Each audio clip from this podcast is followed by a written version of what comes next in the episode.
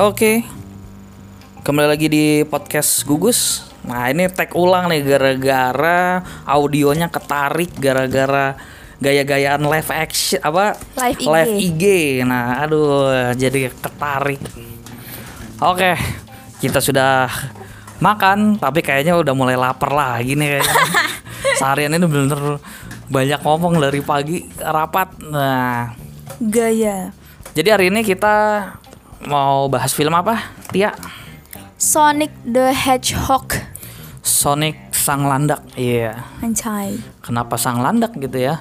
Karena memang eh, rambutnya kayak ya, rambutnya kayak anak pang. Jadi ini Pang deb- jalanan. debut pertamanya Jeff Fowler.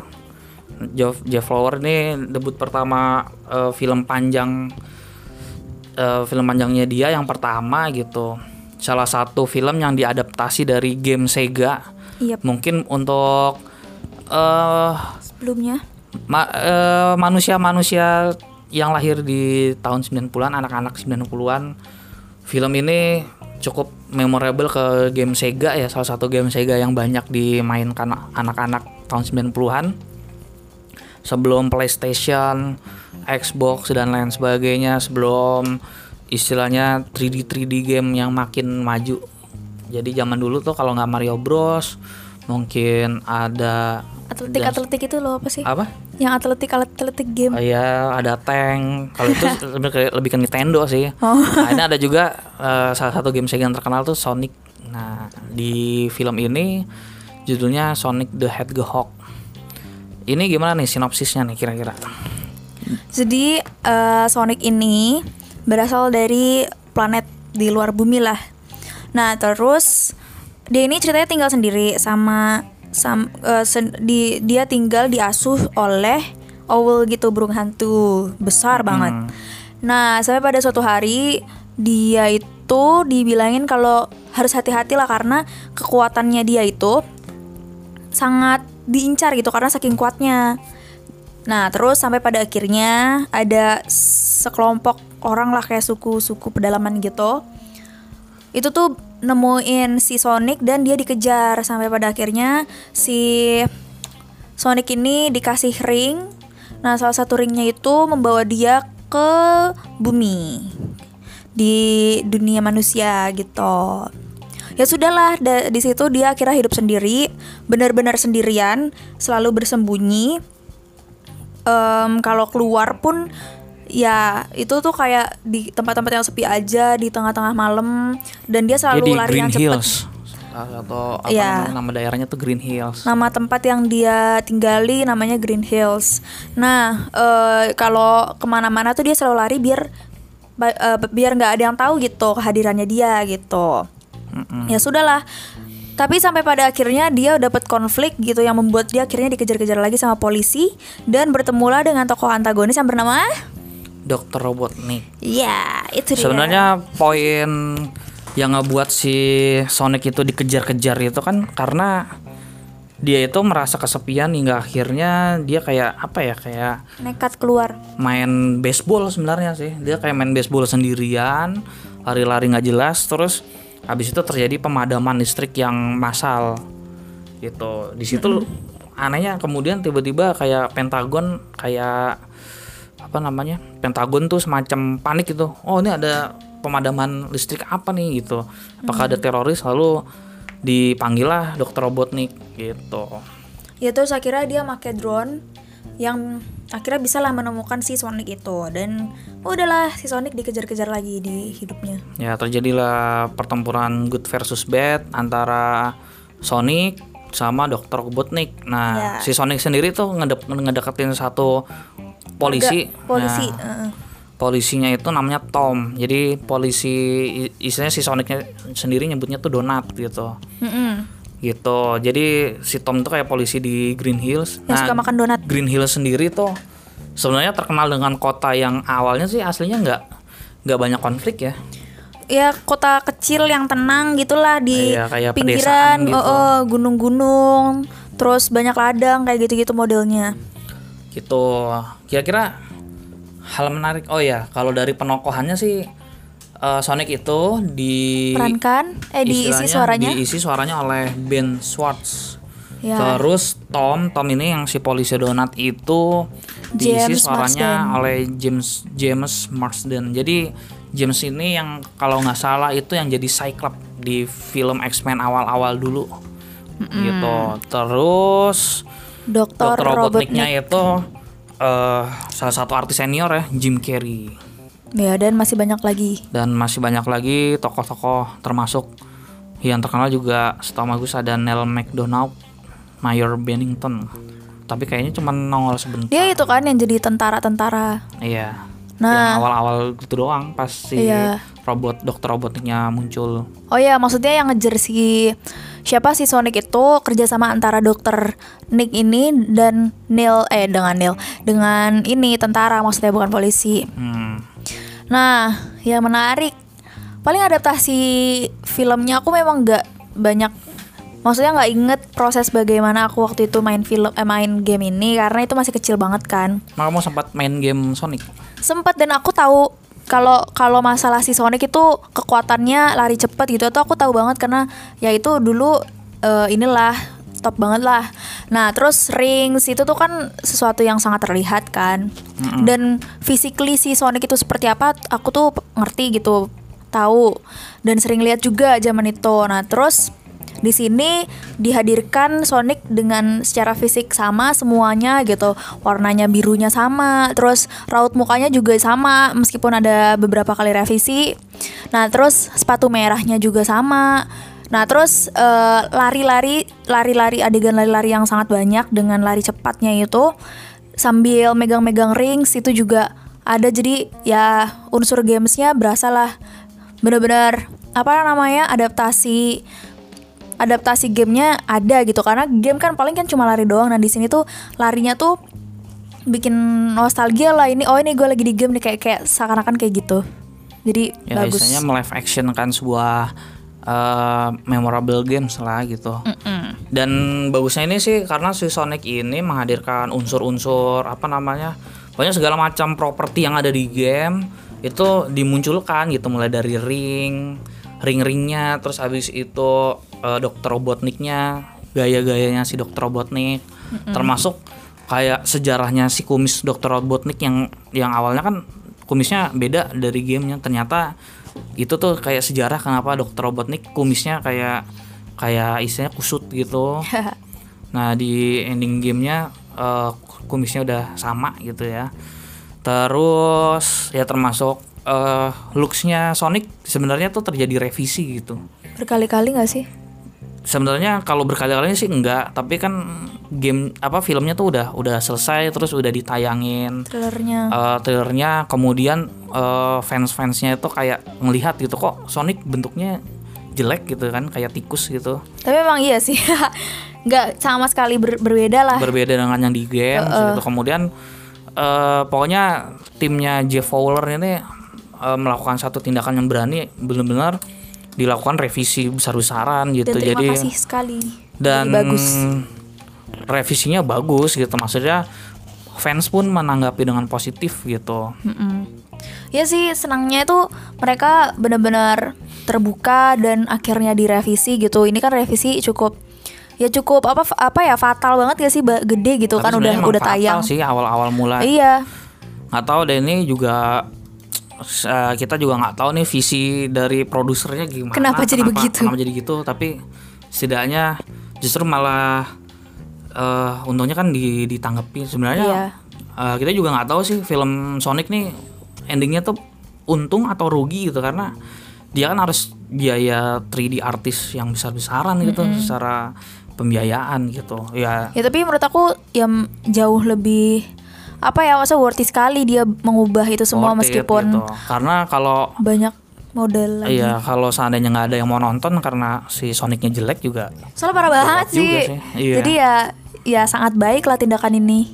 Maksudnya dari awal kenapa nggak langsung bagus aja sih? Iya tuh, so, itu, masa kan Emang itu bukan emang itu hal yang apa namanya Sulit itu ya, rumit padahal banget ya. jadi jadiin langsung Oh. begitu atau salah orang kali ya salah orang awalnya pas lagi Maksudnya kan orang yang bikin Sonic kan harusnya tahu dong karakter Sonic. iya Maksudnya mukanya kayak gitu, harusnya kan kalau prototipe dulu ya nggak tahu sih. Harusnya 3D artis sebelum mengeksekusi itu kan ngelihat sketsanya dulu dong. itu belum ada kayak penjelasan klarifikasi gitu-gitu ya kenapa digituin Mungkin ada kali, cuman nggak tahu kita belum nonton gitu. Ya sih soalnya itu jauh banget lah bedanya dan Mm-mm. tidak ya nggak bagus lah Tapi salah satu eksekusi yang gila sih sebenarnya. Mm-mm. Jadi seperti itu. Hal positif apa nih yang bisa didapatkan dari film Sonic? Iya selain yang tadi gamenya bagus, paling ya sebenarnya nih film seru bang, seru seru, eh enggak enggak banget deh yang seru seru gitu. Ya, Sebagai suatu bentuk hiburan ya Heeh. cukup oke lah gitu. ya ini menarik, seru dan nggak ngebosenin gitu. Tapi ya memang setelah nonton udah aja gitu, nggak nggak banyak yang bisa kita simpen gitu sampai terkenang gitu, nggak nggak berkesan gitu. Cuma seru aja pas lagi kita duduk di bioskop buat nonton. Cuma setelahnya nggak ada yang bisa dibawa pulang lama-lama dah. Ya kalau ya kalau hal yang positif sih kalau dari aku ya tadi sih udah disebutin sih tentang bagaimana segala ma- macam properti-properti yang ada dan- di dalam di dalam game Sonic itu dibawa ke live action. Tapi juga cukup berani lagi nih karena di kreditnya ternyata ada uh, end credit. Ada adegan end credit. Dia menghadirkan satu tokoh lagi yang bisa kita lihat ya si siapa tuh namanya tuh si Miles kalau nggak salah gitu yang istilahnya tuh eh, buntutnya bisa terbang Oh, oh ya ini film ini juga bisa ke semua umur. kalau film ini sih sangat ini sih sangat bisa diterima semua umur dan memang eh, point of view-nya point of view untuk ditonton anak-anak sih Mm-mm. kalau kita lihat nih kalau kategori usianya juga PG sih jadi bisa ditonton semua orang Iya. gitu ya cukup ramah lingkungan lah ramah tontonan lah gitu. Jadi kalau kalian punya anak ya silakan. Jadi film ini juga jadi karena dia itu kategori usianya PG jadi seperti menghubungkan dua generasi gitu. Generasi yang eh, 90-an yang usianya tuh udah udah usia-usia 30-an ke atas gitu sama anak-anak yang usianya mungkin belum akil balik. Jadi tuh menghubungkan gitu karena eh, kelucuan dan eh, visual efeknya kontras-kontrasnya cukup menarik. Jadi ramah ditonton anak-anak dan memorable di untuk usia-usia yang eh, mungkin lahir di tahun-tahun 90-an gitu yang suka main gamenya dulu.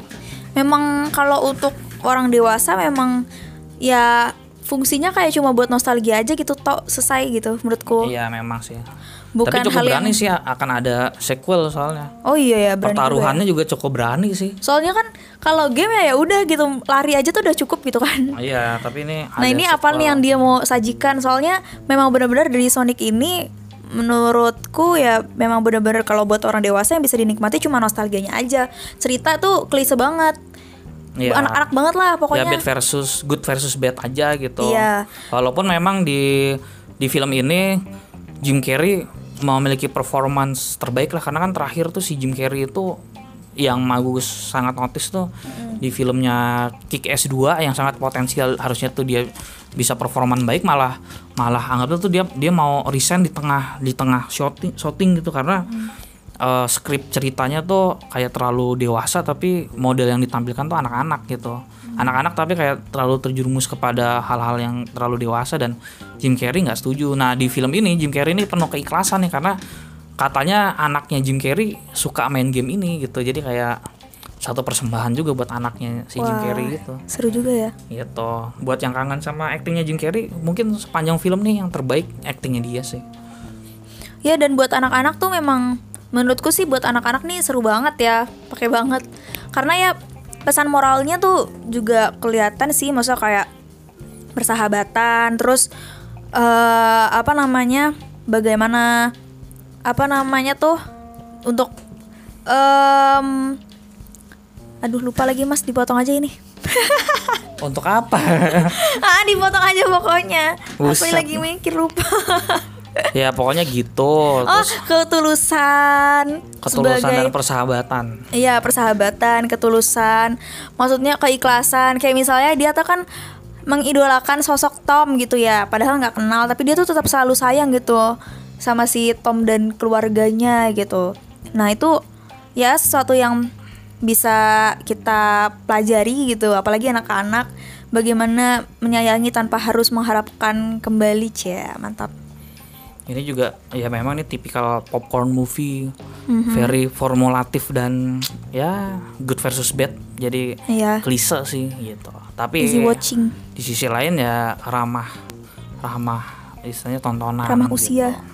salah satu adegan menarik sih kalau dari Mas Gus sih lebih ke waktu pas balapan itu sih waktu pas si Tom dan Sonic tuh eh, berkejar-kejaran dengan mobilnya si si Dr. Robotnik, mobil drone-nya Dr. Robotnik yang pas dihancurin Sonic terus bisa lebih kecil lagi, bisa lebih kecil lagi sampai sampai mobilnya tuh segede capung masih bisa meledak gitu. Wah, itu keren sih sebenarnya di point of view. Poin poin-poin eh, adegan scene-scene itu sih cukup berkesan sih menurut Magus untuk istilahnya ngeliatin banget skill skillfulnya eh, larinya Sonic gitu. Kalau aku yang seru tuh ada tiga. Yang dua pertama itu menurutku emosional. Yang pertama Emosional apa? ya Di iya yang yang mana? yang pertama pas dia lagi main baseball sendirian. Itu kan seru banget dan itu tuh benar-benar apa namanya kita diperlihatkan bagaimana dia punya rasa eh, aduh nih gue lagi unjuk diri gue lagi ditonton segala macam dengan Tapi nggak ada yang nonton. Iya dengan dengan segala keseruannya gitu kan. Eh pada akhirnya dia ternyata cuma sendiri. Akhirnya dia stres terus dia lari-lari sendiri gitu kan yang bikin lampu padam itu emosional. Yang kedua sepatu. Waktu Sepatu dia dikasih sepatu merah sama eh keponakannya si ceweknya si Tom Iya, itu. istrinya si Tom. Iya itu pada akhirnya kita lah diperkenalkan kita diperkenalkanlah dengan sepatu merah ikonik si Sonic. Oh ya itu juga smooth advertising sih kalau Nah. menurut Mas Gugus. Itu kan ada mereknya tuh. Sepatunya mereknya Piero. iya menarik sekali kan. gitu. Walaupun di situ ada blunder juga sih. Kalau blundernya itu nggak tahu ya, setuju atau enggak nih. Waktu pas di end creditnya kan ada eh, si siapa yang bisa terbang tuh pakai buntutnya itu. Jadi temannya apa satu keluarganya Sonic itu udah pakai sepatu merah gitu. Itu siapa yang ngasih tuh sepatu? Ternyata di planet lain ada sepatu merah juga gitu. Oh iya juga ya. Gitu. Nah terus yang satu lagi buat seru-seruan aja sih itu yang kata dia lari-lari di rumahnya si Tom bikin berantakan rumah itu lucu aja eh masa seru aja gitu nontonnya. Udah sih paling itu aja nggak terlalu banyak yang bisa dikulik ya. Oke. Kalau adegan apa namanya? Adegan balapan mobil tuh karena ma- eh, bagus tuh notisnya karena si DOP-nya kan Stephen F. Windon yang biasa bikin film Fast and Furious. Jadi di situ kayaknya ada adegan-adegan sin-sin eh, adrenalin rushnya cukup dapat sih gitu. Terus eh, negatifnya nih. Sebenarnya tadi kita selip-selipan negatifnya juga udah banyak disebutin sih ya. Hah sedih. Semoga masih ingat. Negatifnya itu kalau kalau plot hole sih nggak tahu ya. Jadi ada berapa poin kalau kenapa sih Sonicnya itu maksudnya esensi apa kenapa Sonicnya itu harus di eh Terus terus harus dikejar-kejar gitu. Oh tadi sampai mana? Sorry nih kepotong. Eh sepatu. ah kok sepatu kayaknya enggak deh. Kenapa sih si Sonicnya itu dikejar-kejar gitu? Oh iya iya. karena eh, karena kan si Sonicnya itu maksudnya kenapa menjadi super super lari? Harus dikejar-kejar gitu maksudnya.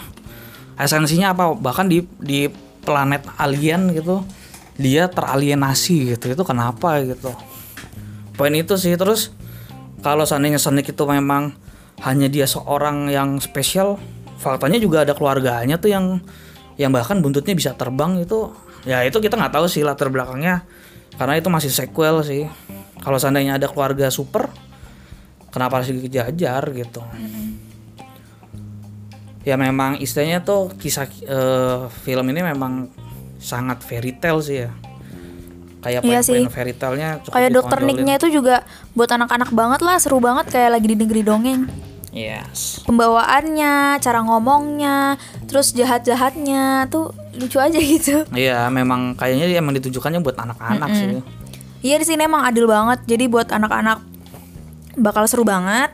Sedangkan buat orang dewasa nostalgia banget gitu. Meskipun ya ya udah gitu Walaupun doang. kekurangannya kekurangannya mulai dari dialog, aduh dari dialog terus abis itu penjab kayaknya filmnya juga terlalu cepat sih kalau menurut mas gue sih. Hmm. Kayaknya nggak nggak mau dieksplor dua jam gitu. Coba dieksplor dua jam tapi lebih detail gitu gimana mungkin lebih menarik kali. Gitu. Kenapa kok kayaknya filmnya kayak satu setengah jam lebih dikit gitu kan? Mm-mm. sayang aja nggak tahu deh cuman saat kan karena film ini kayak terlalu banyak pertanyaan gitu dengan segala macam keahlian dan alien-alien wajah dan tubuhnya dan kenapa dia bisa berbahasa Inggris. Nah, tapi kalau itu ya ya udah sih kalau itu sangat super duper minor sih. Kalau dia bahasa bisa bahasa Inggris atau enggak gitu. Karena nanti protes lagi Marvel kenapa Guardian of Galaxy bahasa Inggris. Kayak gitu. Oh karena dia di luar tuh banyak yang kritik Guardian. Iya nggak tahu sih, cuman kalau kita ngomong kayak gitu kan Oh, iya terlalu benar. banyak eksplanasi ngelesnya. Ribet juga ya belajar dulu bahasa lain. Heeh. kayak gitu. Ya, itu aja sih paling nggak berapa berapa plot hole plot hole aja yang kadang bagus nggak suka kayak kenapa si Sonicnya tuh harus apa si si Sonic kan harus mencegah Tomnya keluar dari Green Hill maksudnya tuh poin apa sih yang ingin ditunjukkan pada penonton gitu? Kenapa si Tomnya nggak boleh keluar Green Hill gitu? Paling menurut aku karena dia merasa ada ke- kedekatan emosional Maksudnya dia tuh kan mengidolakan banget banget nih ke Tomnya. Jadi kayak nggak mau pergi gitu karena Ya dia merasa meskipun dia nggak kenal sama Tom Tapi dia nyaman sama Tom dan si ceweknya itu gitu. Jadi aku pikir ya itu cuma karena dia punya ikatan batin aja terus kayak sedih gitu nggak ada dia lagi. Cuma itu doang bukan soal Green Hillsnya sih menurut aku Enggak, tapi nggak tahu sih, cuman di dialognya Sonic tuh ada ada poin-poin di mana apa namanya? Kayak ngapain kamu keluar? Ada ada kamu bisa jadi diri sendiri di Green Hill. Pokoknya Sonicnya banyakan reasonable lah gitu. aku Kayak juga mencegah Tomnya untuk keluar gitu. aku juga maksudnya agak sedih gitu kenapa ya kenapa nggak dikeluarin aja sih di Los Angeles aja Iya. kayak maksudnya gitu. itu itu buk apa ya maksudnya nggak tahu bukan malah jadi seru tapi ya ya mendingan di Los Angeles aja gitu. Udah gitu si si Sonicnya dicuekin lagi sama si Tom karena udah dikejar-kejar sama Dr. Robotnik duluan. Ya kayak gitu. Gitu. Sisanya sih kalau filmnya saya emang klise sih lebih ke menghibur gitu Iya seru-seruan aja kalau walaupun lagi gabut. ya walaupun ya kita berterima kasih dengan eh, movie maker. Iya karena sudah mengubah sudah mengubah revisi. istilahnya wajahnya Sonic yang tadinya kayak tikus jadi ya sudah sesuai dengan Sonic. yang ada di gamenya gitu. Skornya berapa nih kira-kira? 70 70 oke kalau sama Gus uh, mungkin 6 sih. hmm. 6 bahkan 5,8 nggak tahu ya cuman ya gitu deh kayaknya banyak plot hole dan pertanyaan aja gitu setelah nonton film ini. Oke mungkin di situ ada yang ingin dibahas lagi? Tidak ada. Oke terima kasih sudah Dadah. mendengarkan kami di Point Sonic. Ya selamat malam ya gitu deh. Bye bye